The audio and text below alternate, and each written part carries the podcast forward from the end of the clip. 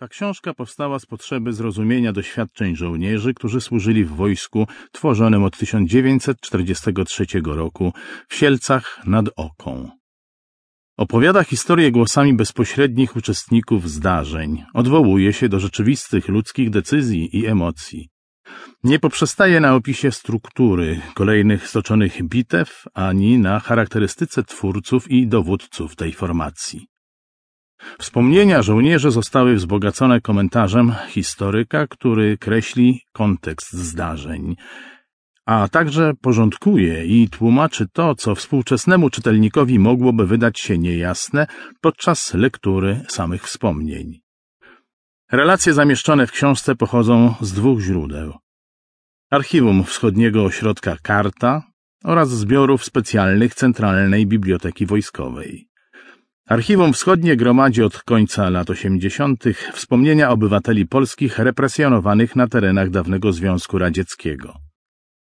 W zbiorach Centralnej Biblioteki Wojskowej sięgnęliśmy do kolekcji pułkownika Józefa Margulesa 1919-2008 historyka wojskowości, który przez lata zbierał wspomnienia, zdjęcia i dokumenty żołnierzy określanych popularnie i nie do końca adekwatnie nazwą berlingowcy.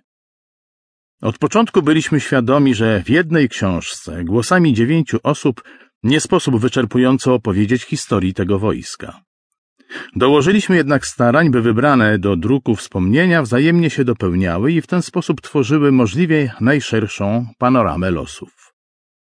W książce opowiadają szeregowcy, oficerowie niższego szczebla, oficerowie polityczno-wychowawczy, a także żołnierz Armii Krajowej, wcielony do wojska Berlinga już na terenach Polski lubelskiej.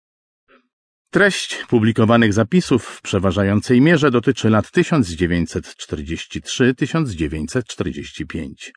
Głos oddajemy ludziom, którzy jako pierwsi przeszli szlak bojowy w formacjach Ludowego Wojska Polskiego. Lecz nie opowiadamy ich dalszych losów. Zależało nam, by pokazać drogę tych, którzy w tamtym czasie znaleźli się w szeregach tego wojska. Jak i dlaczego do niego trafili. Jak stawali się żołnierzami co o tym wojsku myśleli. Nie piszemy, że to zwykli żołnierze, bo nie mamy pewności, kim miałby być zwykły żołnierz. Zależy nam, by spojrzano na dzieje tej formacji z perspektywy jednostki. Jesteśmy przekonani, że tak pisana historia musi dopełniać opracowania bazujące na dokumentach źródłowych. Dominik Czapigo, Ośrodek Karta w czasach Polski Ludowej przez cały okres jej trwania doceniano udział żołnierza polskiego w walkach na wszystkich frontach II wojny światowej. Wyraźnie jednak było widać różnicę w podejściu do historii polskich sił zbrojnych na zachodzie oraz na wschodzie.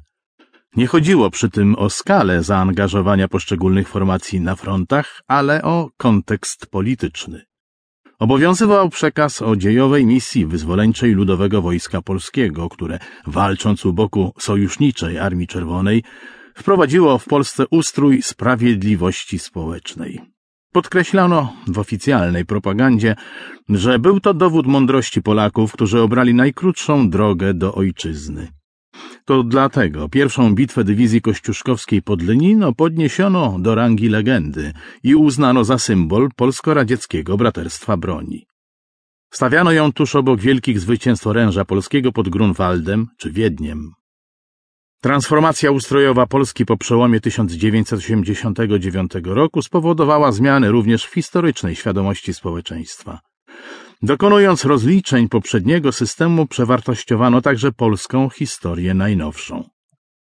W ostatnich latach można było zauważyć negowanie albo przynajmniej umniejszanie wysiłku wojennego żołnierzy Ludowego Wojska Polskiego, których zaczęto postrzegać jako polskojęzyczną formację Armii Czerwonej lub wprost jako komunistyczne wojsko współodpowiedzialne za utrwalenie narzuconego siłą systemu władzy.